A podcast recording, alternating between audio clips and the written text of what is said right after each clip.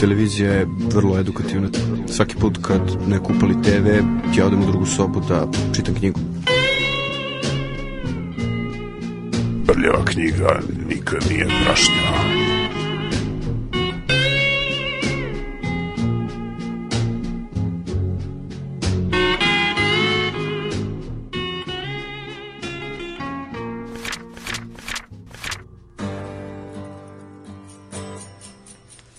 Radio Galaksija, Milan Čirković.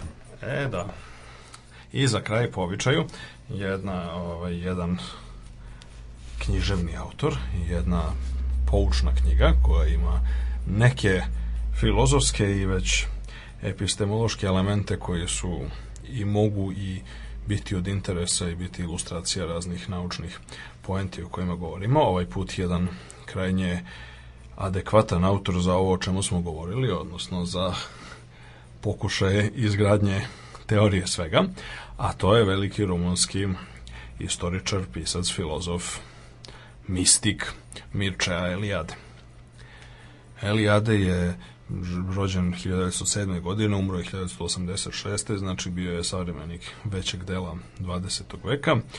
Najpoznatije po svojim radovima vezanim sa istoriju religije, posebno šamanizam, za ove kulturološke značaj raznih motiva koji se pojavljuju u praktično svim svetskim religijskim tradicijama. A, njegova najčuvenija teorija koja je po mnogo čemu kontroverzna, ali zanimljiva i do dana današnjeg i potvrđena mnogim kasnim istraživanjima je ideja o večitom povratku ili večitom vraćanju istog ili cikličnom vremenu koje se pojavljuju u praktično svim svetskim civilizacijama. Dakle, od prekolombovskih američkih civilizacija, preko raznih društava na Pacifiku, preko istorijskih značajnih civilizacija istočnog Mediterana, Mesopotamije, Male Azije, pa sve do recimo grčkih i rimskih stoika, mislim zove do neoplatonista i drugih, znači gotovo sve uz nekoliko izuzetaka, gotovo sve velike kulturne tradicije smatraju da je vreme ciklično i da nakon izvesnog perioda vremena se neke stvari ponavljaju sad bilo u detaljima kao što su to stoici zamišljali da će ponovo doći vreme kad će identično Sokrat držati predavanja u, na Atinskoj agori, biti osuđen na smrt, pogubljen i tako dalje, bilo da će se u opštim crtama kao što su recimo, ne znam, Polibija, na primjer, pisao da se tu u opštim crtama sva društva prolaze kroz iste faze i tako dalje. I, znači, Elijade je tome dao nekakav najširi najdublji mislim kulturni okvir jako mnogo je pisao znači ove diskurzivne ajde da kažemo znači naučne eseističke i naučne proze na tu temu. E, inače on je bio jako jako interesantan kao ličnost kontroverzan, dosta. Dakle, bio je novinar, on bio je, govorio je desetak jezika, ne, ne uključujući ove egzotične, ali za, tako reći za, za tu profesiju neophodne kao što su sanskrit, persijski, pahlavi i drugi. A, dakle, bio je napisao jako mnogo knjiga, njegova zapravo pro, njegova, njegova znači prozni output je mnogo manje poznat od ovog nego naučnog. A, celog života je imao razne kontroverze, polemike. A, bio je jedno vreme blizak dakle, bio učenik Naje UNESCO-a koji je bio jedan od istegnu možda najznačajniji rumunski filozof u periodu između dva svetska rata. A, pod njegovim uticajem Elijade i još neki jedan broj rumunskih intelektualaca su bili bliski takozvanoj gvozdenoj gardi, a to je bila ekstremno desničarska profašistička organizacija zapravo koja je, ono što je interesantno jeste da je, da je ona bila raspuštena i zabranjena u nekoj vrsti rumunske verzije Noći dugih noževa od strane maršala Antonescu-a upravo zbog toga što su njihove ideje, ako, njihove ekstremne ideje bile suviše ovaj, čak i za njega, tako da nju, nju raspustio. Još pre toga Elijade je na neki način se distancirao od, od njih i bio je kulturni ataše u ambasadama Rumunije u Portugaliji i u Sjedinjenim američkim državama. E, on je praktično još pre početka drugog svetskog rata je emigrirao i posljednjih nekih 45 skoro 50 godina života je proveo u Čikagu gde je postao profesor na univerzitetu u Čikagu imao vrlo ugledan krug mislim zove hajde da kažemo antropologa, istoričara religije i tako dalje. Interesantno je da jedno vreme je na njega bila naravno bačena posle drugog sveta bila je bačeno prvo onako žestoko prokletstvo, hajde tako da se izrazimo od strane komunističkog režima, ali interesantno da se to postepeno promenilo, e, tako da je poslednjih recimo, hajde da kažemo, tokom 70. i 80. godina, jedna gotovo obsesija Nikolaja Čaušeskova, mislim, zove tadašnjih mm -hmm. diktatora Rumunije, bila da Elijadea nekako dovede, mislim, zove u Bukurešt, tako je. I on mu obećavao brda i doline, mislim, zove. I kako, kako pokazuju otkriveni nakon, nakon zbacivanja Čaušeskova i rumunske revolucije, tamo, 1989. Jeli, onda kako pokazuju otkriven čitav niz dokumenta. Sekuritate je malte ne, mislim, zove je, dakle, razmatrala i mogućnost njegove nasilne otmice Aha, i nedovođenja tako je, a da znači nezavisno od toga mislim zove su mu obećavali ne samo univerzitetske položaje nego vile otprilike mislim zove bogatstvo med i mleko i tako dalje ukoliko bi se vratio pošto je na neki način bilo promenjeno Mislim, Čaušesku je revidirao gomilu tih nekakvih onako ideoloških ocena kad je zaključio da mu nešto odgovara, pošto je on imao taj jedan nacionalistički element, mislim, zove u svojoj vladavini i onda je zaključio da eto, mislim, zove treba sad kao sve rumunske istaknute intelektualce treba, mislim, zovemo podvesti pod jednu zastavu, bla, bla, bla i, i kao posljedica toga, mislim, zove imao veliki napor. A, međutim, nije uspeo tome, Elijade jeste razmatrao jedno vreme, kako kažu njegovi prijatelji, mislim, zove te, te ponude i jedno vreme je čak i zaista poverovao da, da bi mogao, mislim, zove to da uradi, ali su ga, mislim, zove u suštini u, u suštini su ga na kraju ubedili da to ipak nije mislim baš najpametnija odluka a, tako da je on živo i umro je u, u Čikagu. Ono što je interesantno između ostalog mislim zove bilo da je recimo govor na njegovoj sahrani održao niko drugi nego Nobelovac i najveći američki neki kažu pisac Sol Bellow. Mm -hmm. I da kao posljedica njegovog utica i njegovog rada je ogroman. Mislim zove oni i dan danas ljudi smatraju da znači njegova dela posebno čuvena istorija verovanja i religijskih ideja u tri toma koja je prevedena i objavljena i kod nas predstavljaju apsolutno ključne ključnu literaturu do, za, za tu oblast. Ono što je jeste kontroverzno jeste nekoliko njegovih ideja. On je bio glavni zagovornik pa nečega mi se zove što bi se moglo nazvati perenijalna filozofija ili ponekad se naziva i tradicionalizmom. Sad tradicionalizam u smislu doktrine, ne u smislu onoga, znači oslanja nužna tradicija. On je verovao da postoji jedna jedinstvena tradicija koja je zajednička praktično svim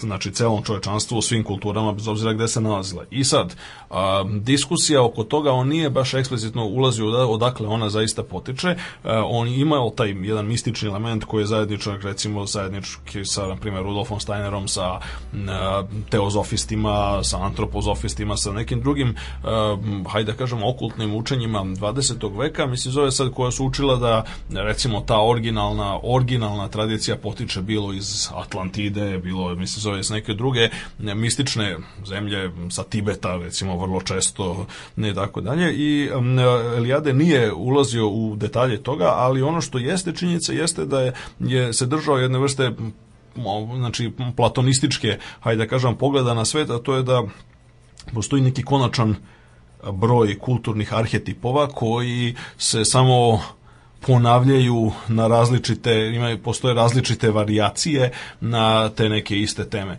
I to je čak, mislim, zove diskutovao dosta oko toga koji su to fundamentalni, recimo, simboli, koji su to, mislim, zove, koji su... Ne, I oko toga se razvila velika polemika, pošto je bio često i kritikovan zbog pojednostavljivanja, mislim, zove stvari, mislim, zove zbog toga što je to često tako improvizovao improvizovao u, i donosio, mislim, zove nekakve generalne zaključke iz relativno male um, empirijske baze podataka koja je dostupna i tako dalje, ali sve u svemu, mislim, zove njegovo delo je bilo ako jako provokativno i sama činjenica da se o njemu i dan danas raspravlja i kako stoje stvari, mislim, zove sa, bez ikakvog opadanja ukazuje da je ovako bio na kraju krajeva uspeo da isprovocira dovoljan broj ljudi, što je samo po sebi već ono, nekakav znak ovaj, intelektualne snage.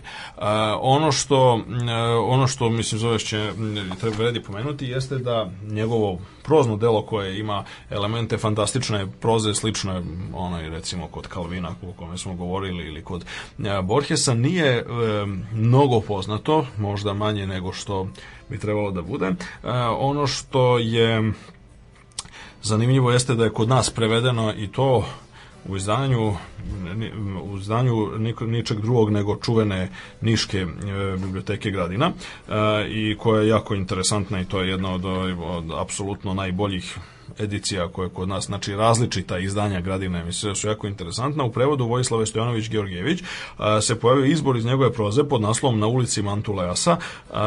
Inače, to je stvarno ulica u kojoj je Alijade išao u školu u Bukureštu. Dakle, objavio, ovaj, ovo izdanje je objavljeno u Nišu 1987. godine sa prilično interesantnim poučnim predgovorom. To je izbor, to su neke četiri, zapravo tri njegove pa hajde da kažemo novele ili duže, duže pripovetke i ovaj, ovom, za ovaj Radio Galaksiju i za ovo predstavljanje, znači sam se opredelio za jedan kratak odlomak iz prve, koja nosi naziv Mladost bez mladosti.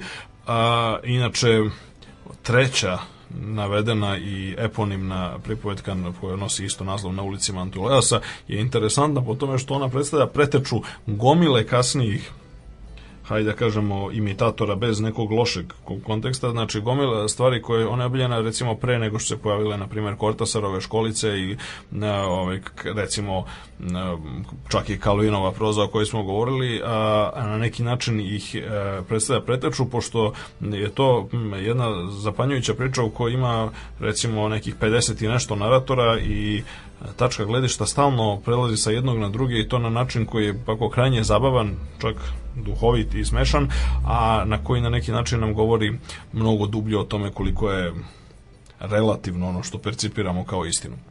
Ali za sada, dakle, jedan kratak odlomak, dakle, mladost bez mladosti.